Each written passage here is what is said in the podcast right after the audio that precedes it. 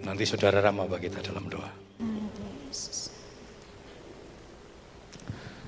Selamat pagi Bapak, selamat pagi Yesus. Terima kasih Tuhan, Engkau telah memberkati serangkaian ibadah kami sama dengan saat ini Tuhan, tiba saatnya kami akan Ya, mendengar firman-Mu Tuhan, Kau berkati kami, siapkan hati kami Tuhan, eh, sehingga kami bisa mengerti segenap prinsip-prinsip firman-Mu dalam kehidupan kami. Terima kasih Engkau berkati hamba-Mu yang akan menyampaikan firman. Terima kasih Tuhan, kami menyerahkan semuanya ke dalam kasih Tuhan kuasa-Mu. Di dalam nama Tuhan Yesus Kristus kami sudah berucap syukur. Haleluya. Amin. Amin. Puji Tuhan. Selamat pagi. Selamat kita boleh bertemu dalam kasih Tuhan. Bapak Ibu Saudara bersuka cita? Amin. Allah kita sembah adalah Allah yang ajaib, yang luar biasa, yang boleh menolong kita semua. Puji Tuhan. Di tengah-tengah kita ada hamba Tuhan, Bapak Pendeta Suwandi. Beliau uh, dari Lampung. Beliau adalah seorang guru sekolah kitab di Palembang. Yang jemaat lama pasti tahu karena beliau dulu lama membantu pekerjaan Tuhan di tempat ini. Puji Tuhan, mari kita akan siapkan hati kita. Kita mau dengarkan firman Tuhan, waktu dan tempat kami serahkan.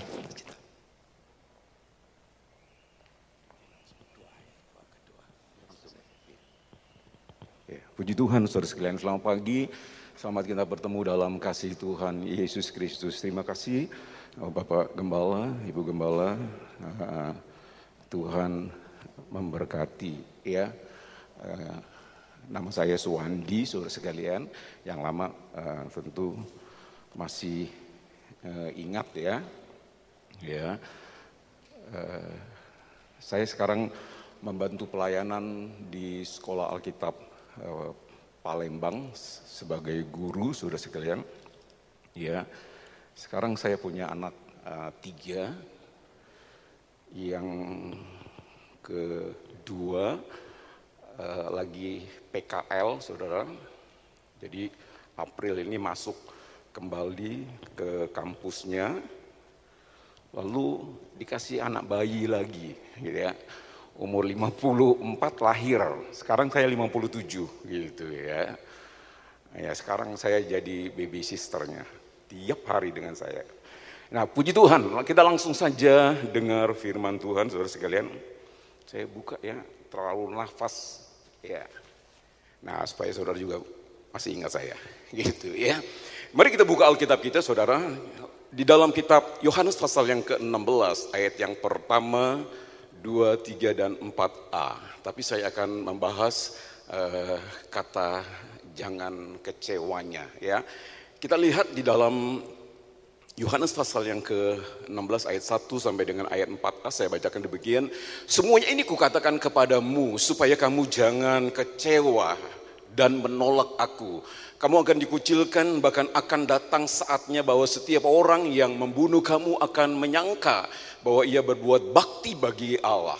Mereka akan berbuat demikian karena mereka tidak mengenal baik Bapak maupun aku. Tetapi Yesus katakan semuanya ini kukatakan kepadamu supaya apabila datang saatnya kamu ingat bahwa aku telah mengatakannya kepadamu. Puji Tuhan ya, judulnya tentang jangan menjadi kecewa. Ayat ini merupakan satu nasihat gitu ya, yang Yesus sampaikan kepada murid-muridnya sebelum Yesus uh, masuk ke dalam uh, penderitaan mati, bangkit dan naik ke surga. Sebelum Yesus uh, menghadapi ya satu penderitaan untuk menebus dosa manusia, ya uh, murid-muridnya diberi satu satu nasihat kepada kepada uh, ya satu nasihat ya kepada kepada Yesus gitu ya.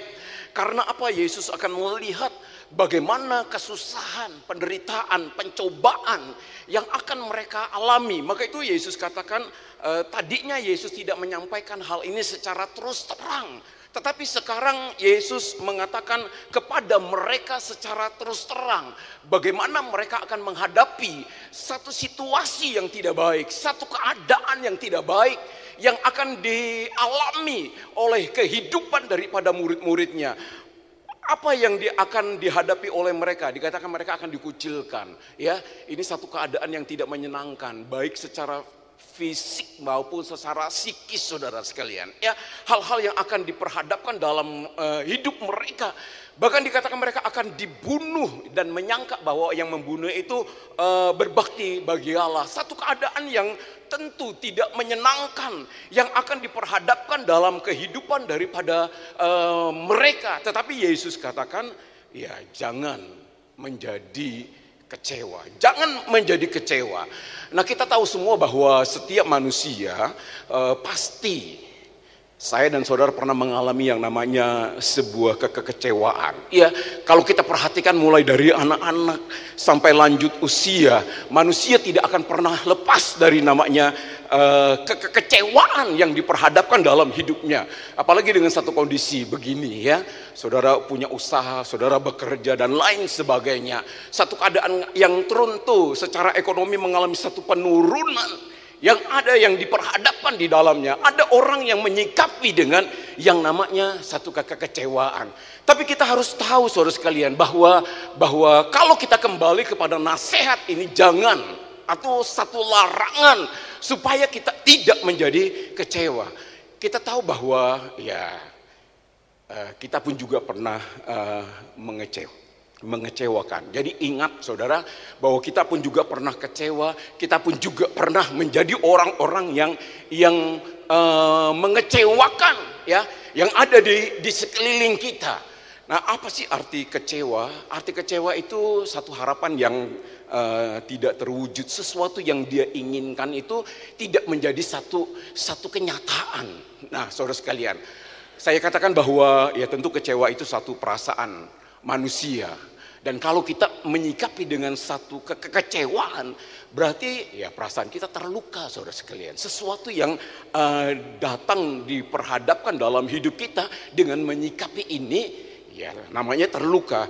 Nah, kita tahu semua bahwa ya saya katakan selama kita masih manusia, punya yang namanya perasaan, saudara sekalian, ya tentu ya kita uh, pernah mengalami Eh, yang namanya eh, hal-hal uh, ini, yang namanya kekecewaan yang ada di dalamnya.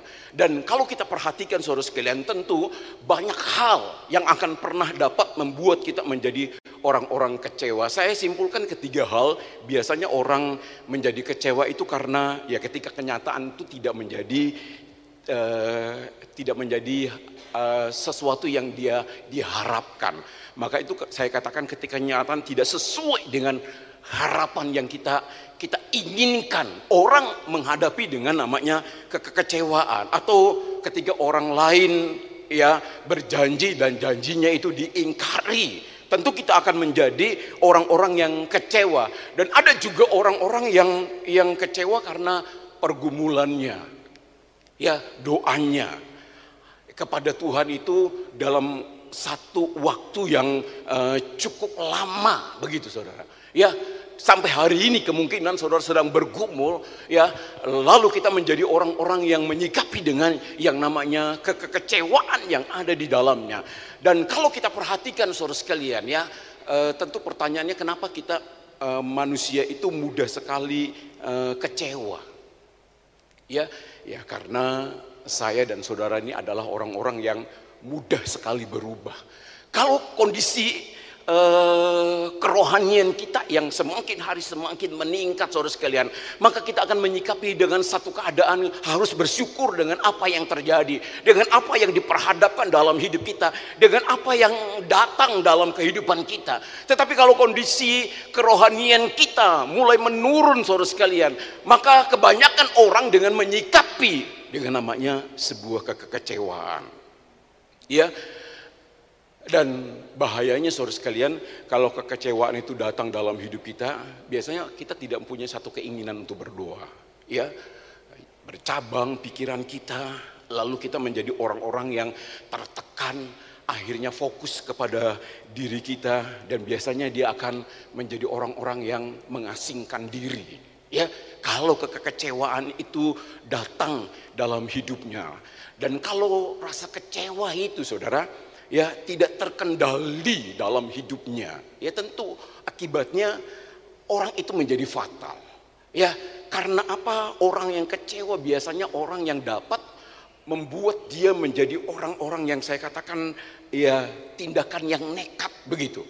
Ya, ada orang-orang yang dapat menghancurkan dirinya sendiri bahkan masa depannya. Karena apa? Karena ke kekecewaan yang ada yang diperhadapkan dalam hidupnya.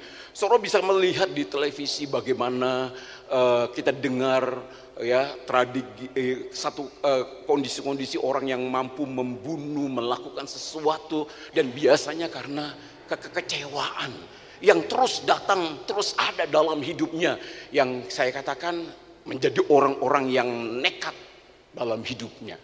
Ya, dan kalau kita melihat hal ini, ya tentu ini sesuatu yang yang yang bahaya. Maka itulah ya sebelum situasi ini datang, diperhadapkan dalam kehidupan murid-murid tentang kesusahan, tentang penderitaan yang akan diperhadapkan dalam hidup mereka, Yesus katakan itu kepada mereka supaya mereka jangan menjadi kecewa. Tentu nasihat ini sekarang datang untuk saya dan untuk uh, saudara. Dengan satu situasi ini saudara. Ya, uh, jangan kita menyikapi dengan satu keadaan yang yang kecewa dalam dalam hidup kita. Ya, kenapa saudara? Ya, ke kekecewaan itu Yesus katakan jangan. Artinya satu larangan. Ya, ya tentu karena kekecewaan itu sesuatu yang bahaya. Ayat yang pertama dikatakan begini, semuanya ini kukatakan kepadamu. Jadi tidak ada lagi yang tersembunyi. Ya, yang akan diperhadapkan dalam hidup mereka. Dan Yesus katakan ya supaya jangan menjadi kecewa. Karena orang yang kecewa dikatakan dalam ayat pertama ini di akhirnya dapat menolak Tuhan. Kata menolak saudara. Ya ini uh, sesuatu yang yang bahaya. Dalam tulisan lainnya kata menolak itu itu bisa saja orang itu menjadi menjadi murtad. Biasanya orang yang kecewa itu mudah tersinggung, saudara sekalian. Orang yang kecewa itu kalau dia mudah tersinggung ya mudah disandung, mudah mudah dibujuk begitu, saudara sekalian. Ya bahkan mudah disesatkan dan akhirnya dikatakan bisa saja menjadi orang-orang yang yang murtad, yang meninggalkan Tuhan dalam hidupnya. Karena apa? Ya karena sebuah kekecewaan. Maka itulah ya Yesus katakan jangan menjadi kecewa. Nah sekarang persoalannya saudara sekalian, kalau kekecewaan itu sesuatu yang bahaya, yang Yesus larang, yang sekarang yang harus kita perhatikan adalah ya tentu caranya bagaimana. Ya, supaya kita tidak menjadi orang-orang yang kecewa. Kalau saudara pegang Alkitab, sekarang biasanya pakai pakai ini ya HP ya. Kalau pakai Alkitab ini saudara sekalian, saudara bisa lihat judulnya itu adalah judul perikopnya itu adalah e, bertekun. Jadi lembaga Alkitab itu memberi judul itu kata bertekun. Ya, tentu kenapa e, lembaga Alkitab menggunakan kata bertekun? Ya, saya selidiki bahwa bahwa ini sesuatu yang penting di dalamnya. Dan saya katakan ini adalah salah satu cara saudara. Untuk kita menjadi orang-orang yang tidak menyikapi sesuatu yang datang. Apalagi tidak sesuai dengan harapan. Tidak sesuai apa yang kita inginkan dalam hidup kita saudara sekalian. Ya kita tidak menjadi orang-orang yang kecewa. Caranya adalah ya kata bertekun. Ya dalam kamus besar bahasa Indonesia kata bertekun itu menunjuk kepada sesuatu di mana orang itu bersungguh-sungguh kepada Tuhan. Orang yang bertekun itu adalah orang yang yang tidak mudah mundur dengan satu keadaan yang datang, yang diperhadapkan di dalam dalam hidupnya. Jadi orang yang bertekun itu menunjuk satu semangat secara terus-menerus datang dalam hidupnya. Ya, dalam tulisan lainnya dengan menggunakan kata kata sabar. Tentu kita tahu, ya, sabar itu memang e, kalau kita lihat dalam kitab Galatia harus salah satu sifat kekristenan, buah roh dalam hidup kita. Yang namanya sabar yang menunjukkan tentang dia adalah orang-orang yang terus mencari Tuhan dalam dalam hidupnya, tidak menyalahkan satu situasi yang datang, tidak menyalahkan hal-hal yang terjadi dalam hidupnya. Ya, baik itu merupakan sesuatu yang dia dia tidak perbuat lalu di, diperhadapkan dalam hidupnya ya uh, dia tidak menjadi orang-orang yang kecewa dengan apa yang terjadi. Yang artinya dia terus mencari dan mencari Tuhan dalam hidupnya yang menunjukkan tentang orang-orang yang yang bertekun. Ya, contohnya dalam kisah para rasul pasal yang kedua, saudara. Di sana menunjukkan tentang tentang bagaimana ya gereja mula-mula. Dia menjadi gereja yang uh, bertekun. Ya dalam kisah pasal yang kedua saudara ayat 42 uh, ya bagaimana gereja ini menjadi gereja yang bertekun.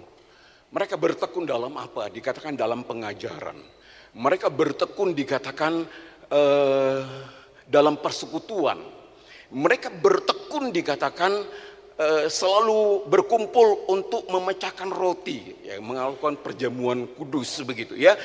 Dan terakhir mereka adalah jemaat Tuhan yang bertekun kepada Tuhan dalam hal berdoa. Ini yang terus mereka lakukan.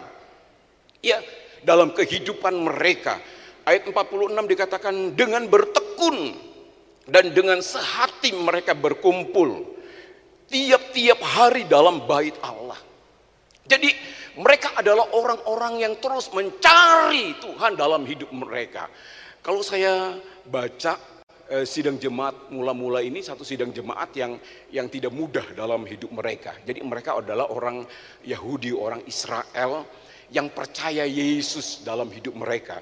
Karena mereka percaya Yesus, maka mereka harus disingkirkan dari tengah-tengah keluarga, bahkan dari pekerjaan. Ya, kalau kita baca sejarah gereja, ini eh, sidang jemaat di Yerusalem itu menjadi orang-orang yang miskin secara ekonomi. Karena apa? Ya tidak ada lagi mata pencaharian karena mereka dikeluarkan. Maka itu kalau kita baca dalam satu Korintus, Paulus katakan bantu mereka sidang ini. Ya, karena apa dalam satu kondisi yang yang sulit. Tetapi mereka tidak menjadi orang-orang yang kecewa dengan apa yang terjadi. Kok saya mengiring Tuhan uh, diperhadapkan oleh satu situasi ini. Saya memutuskan untuk percaya Yesus sebagai Tuhan dan Juru Selamat. Itu menghadapi satu situasi yang tidak baik dalam hidup mereka. Ya mereka harus dikucilkan. Lalu ekonomi mereka itu mengalami satu penurunan bahkan terjun saudara. Tetapi mereka tidak menjadi Kecewa karena apa? Ya karena mereka bertekun kepada Tuhan, bersungguh-sungguh mencari Tuhan dalam hidup mereka. Dan saudara bisa melihat ya hasil yang mereka dapatkan karena mereka bertekun. Dikatakan sambil memuji Allah mereka disukai semua orang. Ya, bahkan dikatakan tiap-tiap hari ya Tuhan menambah jumlah mereka dengan orang-orang yang diselamatkan. Artinya mereka menjadi sidang jemaat yang dapat bersaksi, ya memuliakan Tuhan, ya lalu mereka jadi orang-orang yang dapat memenangkan bukan dengan satu perkataan saudara kalian, tetapi dengan sikap hidup yang baik, sikap hidup yang dapat mencerminkan Tuhan ada dalam hidup mereka. Karakter Tuhan, saya katakan itu datang dan ada dalam hidup daripada murid-murid atau sidang jemaat mula-mula ini. Dan akhirnya mereka menjadi orang-orang yang bers, uh, dapat memuliakan Tuhan. Dan orang-orang dapat dimenangkan. Karena apa? Ya karena mereka bertekun. Jadi ini hal yang penting di hari-hari ini saudara sekalian. Ya cari Tuhan dalam hidupmu. Terus andalkan Allah dalam hidupmu. Ya, karena apa? Karena ini salah satu cara untuk kita menjadi orang-orang yang yang tidak menjadi kecewa dengan apa yang datang, dengan apa yang diperhadapkan dalam hidup Saudara. Ya. Nah, kalau kita melihat dalam kisah para rasul ini, ya, ada hasil dari orang-orang yang bertekun. Bukan saja tidak menjadi kecewa saudara, tetapi juga mereka disukai semua orang. Ya, orang-orang dapat uh, percaya kepada kepada Yesus. Ya, karena apa? Ya karena mereka bertekun kepada Tuhan. Kalau kita melihat di dalam kitab uh, Amsal 8 ayat yang ke-17 Saudara. Di sana menjelaskan bahwa orang-orang yang bertekun itu adalah orang-orang yang dapat menemukan Tuhan. Jadi mendapatkan Tuhan dalam hidup mereka. Artinya mereka dapat berjumpa dengan Tuhan. Ya, perjumpaan kita dengan Tuhan itu ya tentu tidak akan dapat dibeli dengan apa pun Saudara. Ya, itu satu kesukaan yang luar biasa. Ya, Saya ingat pada waktu saya percaya Yesus sebagai Tuhan dan Juru Selamat pada waktu saya SMP. Itu luar biasa. Saudara bisa dengar satu kesaksian pada saat mereka tinggalkan kepercayaan lama dan menjadi percaya kepada Yesus. Satu pengalaman yang luar biasa. Ya, apalagi kalau kita berdoa dan kita dapat rasakan bagaimana satu kehadiran Tuhan dalam hidup. Ya tentu satu kebahagiaan yang luar biasa. Karena apa? Karena kita berjumpa dengan Tuhan. Dan perjumpaan dengan Tuhan itu saudara sekalian akan membuat kita menjadi orang-orang yang mengabaikan satu situasi yang datang dalam hidup kita. Karena apa? Ya bertemu dengan Tuhan. Maka itulah Amsal katakan bertekun itu menghasilkan. Yaitu kita mendapatkan Tuhan dalam hidup kita. Ya, lalu yang ketiga, jadi orang bertekun itu tidak menjadi kecewa saudara sekalian. Yang kedua adalah orang yang bertekun itu adalah orang yang menemukan Tuhan, mendapatkan Tuhan. Hasilnya yang ketiga saya melihat di dalam kitab Markus pasal yang ketujuh. Ada perempuan Sirofenisia datang kepada Tuhan. Dia memerlukan sesuatu. Ya, bagaimana anaknya sedang kerasukan ya di rumahnya. Dia tidak bawa karena dia dengar lalu dia pergi menjumpai Yesus. Setelah dia menjumpai Yesus, saudara bisa lihat dalam kisah, uh, maksud saya Markus pasal 7 ayat yang ke-24 dan seterusnya, perempuan ini berkata, datang kepada Yesus. Lalu Yesus katakan, roti ini gak layak untuk anjing, tapi untuk anak-anak. Ya, satu perumpamaan yang kalau kita dengar sekarang bahasa Jawa nyelekit gitu. Ya, kan sering kita dengar sesuatu yang datang dalam hidup kita, wah, kok menyakitkan sekali gitu ya. Ya, di dalamnya. Dan tentu ini satu situasi yang pernah saudara jumpai. Saya pun pernah jumpai. Ya, bahkan itu anak didik saya gitu ya. Karena dia cepat berhasil saudara. Ya, ketemu itu melengos. Ya sudah, mau apa lagi saudara. Ya, padahal dua tahun begitu. Tapi karena terlalu cepat Tuhan angkat dia begitu ya dengan gereja besar dengan ekonomi yang mapan dan lain sebagainya saudara sekalian. Begitu. Ya kalau saya tahu ya saya de, harus dewasa begitu saudara. Tapi juga penghiburan saya ada banyak ya murid-murid yang sudah berhasil itu datang ketemu saya eh, salaman lalu cium tangan ya satu penghiburan begitu. Ya, ini eh, hal-hal uh, yang yang akan diperhadapkan dalam dalam hidup begitu. Ya, satu perkataan yang sering aduh kok begini ya, begitu ya. Kan apalagi ini yang rohani gitu. Ini yang begini. Ya, ada yang menjadi tua-tua sidang, pengurus dan lain sebagainya. Kok begitu ya? Ya, kadang-kala kita diperhadapkan oleh satu perkataan-perkataan yang yang tentu akan membuat kita menjadi menyikapi dengan sebuah kekecewaan. Tapi perempuan Fenisia ini tidak. Dia katakan benar Tuhan. Tapi anjing pun juga dapat makan dari remah-remah yang jatuh dari anak. Lalu Yesus katakan luar biasa imannya. Ya, dia tidak Yesus tidak temukan iman seperti orang ini, perempuan ini. Karena apa? Ya, dia tidak menjadi orang-orang yang menyikapi dengan sebuah kekecewaan, saudara karena dia tidak tidak menyikapi hal ini yang menunjukkan bahwa ya dia harus tahu. Artinya dia kenal diri. Dia tahu bahwa dia memang uh, bukan orang Israel. Ya, orang keturunan Yunani, dapat dikatakan orang kafir begitu. Dia tahu diri, dia tahu keberadaan yang ada dalam hidupnya. Ya, maka itu dia dapat menyikapi dengan hal ini. Ya, setelah dia berkata begitu saudara sekalian, Yesus katakan pulang anakmu sudah sembuh. Dan kita melihat, dia dapat melihat mujizat Tuhan. Ya, jadi kalau kita bertekun kepada Tuhan, kita akan melihat jalan keluar yang Tuhan akan berikan dalam hidup kita. Kita akan dapat melihat mujizat, melihat hal-hal yang luar biasa saudara sekalian. Karena apa? Karena ketekunan yang kita lakukan dalam hidup kita. Bahkan yang keempat, yang terakhir saudara sekalian dalam Ayub pasal yang kedua ayat yang ketiga. Di sana dikatakan Ayub orang yang bertekun kepada Tuhan.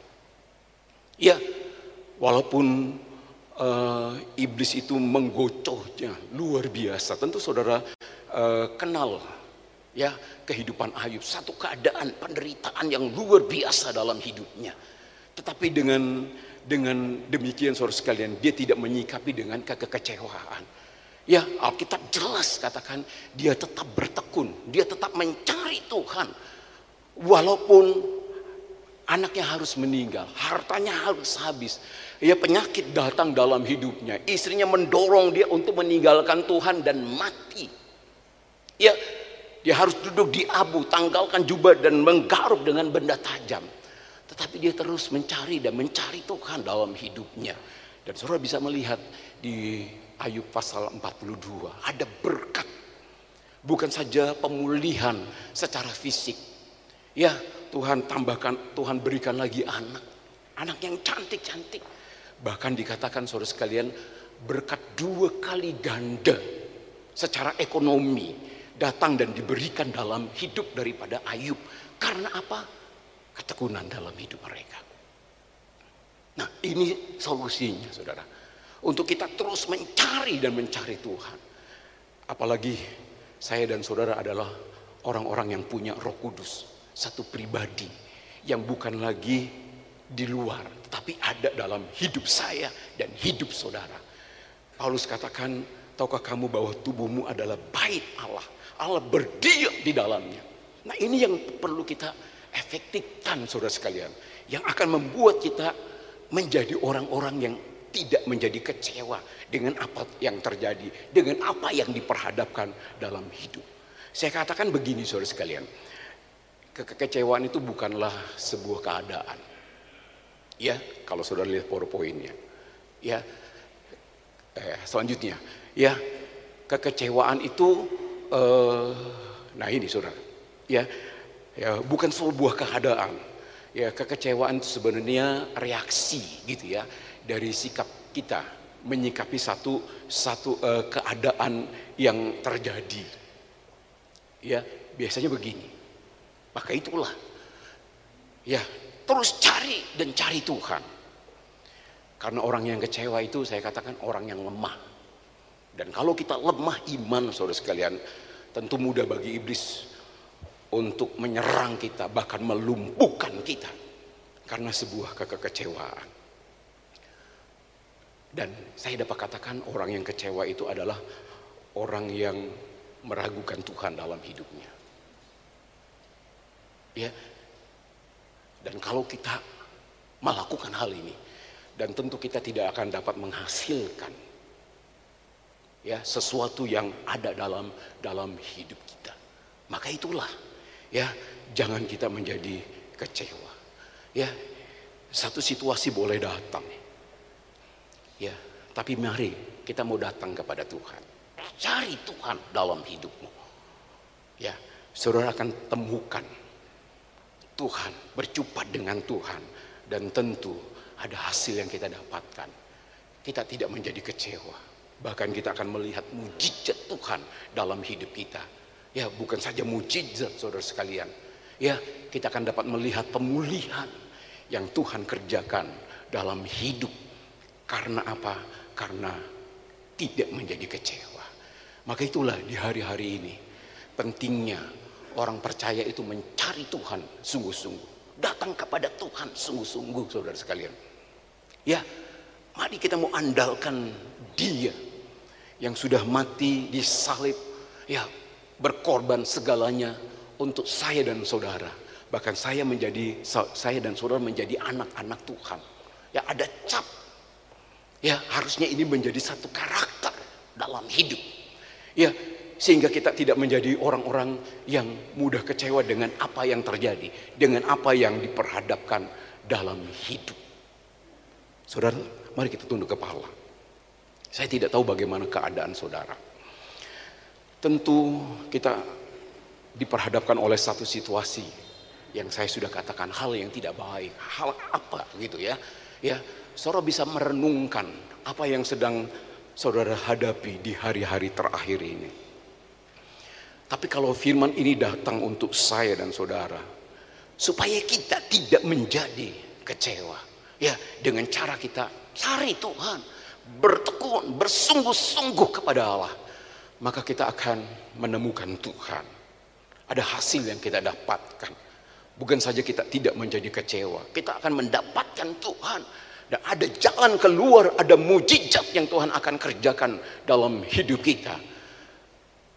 Tentu ada berkat yang Tuhan akan berikan. Haleluya, haleluya. Haleluya, haleluya. Terima kasih Tuhan buat kebenaran firman-Mu. Biarlah ini bukan saja kami dengar, tapi boleh tinggal dalam pikiran kami. Menjadi satu pengetahuan, bahkan kami praktekkan dalam hidup. Kami mau terus mencari dan mencari Tuhan dalam hidup kami. Karena di dalamnya ada pertolongan, ada mujizat, ada jalan keluar yang Tuhan akan kerjakan di dalam hidup kami semua. Kami berdoa untuk sidang jemaat di tempat ini, untuk gembala. Terus Tuhan tolong dalam pelayanan di tempat ini. Jemaat terus menjadi anak-anak Tuhan yang bergairah mencari Tuhan dalam hidup mereka. Ada berkat yang Tuhan akan kerjakan berikan dalam hidup mereka. Terima kasih Tuhan, terima kasih buat apa yang Tuhan sudah berikan. Tanamkan dalam hidup kami, menjadikan kami menjadi anak-anak Tuhan yang mengaplikasikan, menghidupkan firman-Mu sehingga kami dapat memuliakan Tuhan. Bersyukur buat semuanya. Dalam nama Yesus kami sudah berdoa. Haleluya. Amin. Terima kasih Tuhan berkati saya kembalikan pelayan.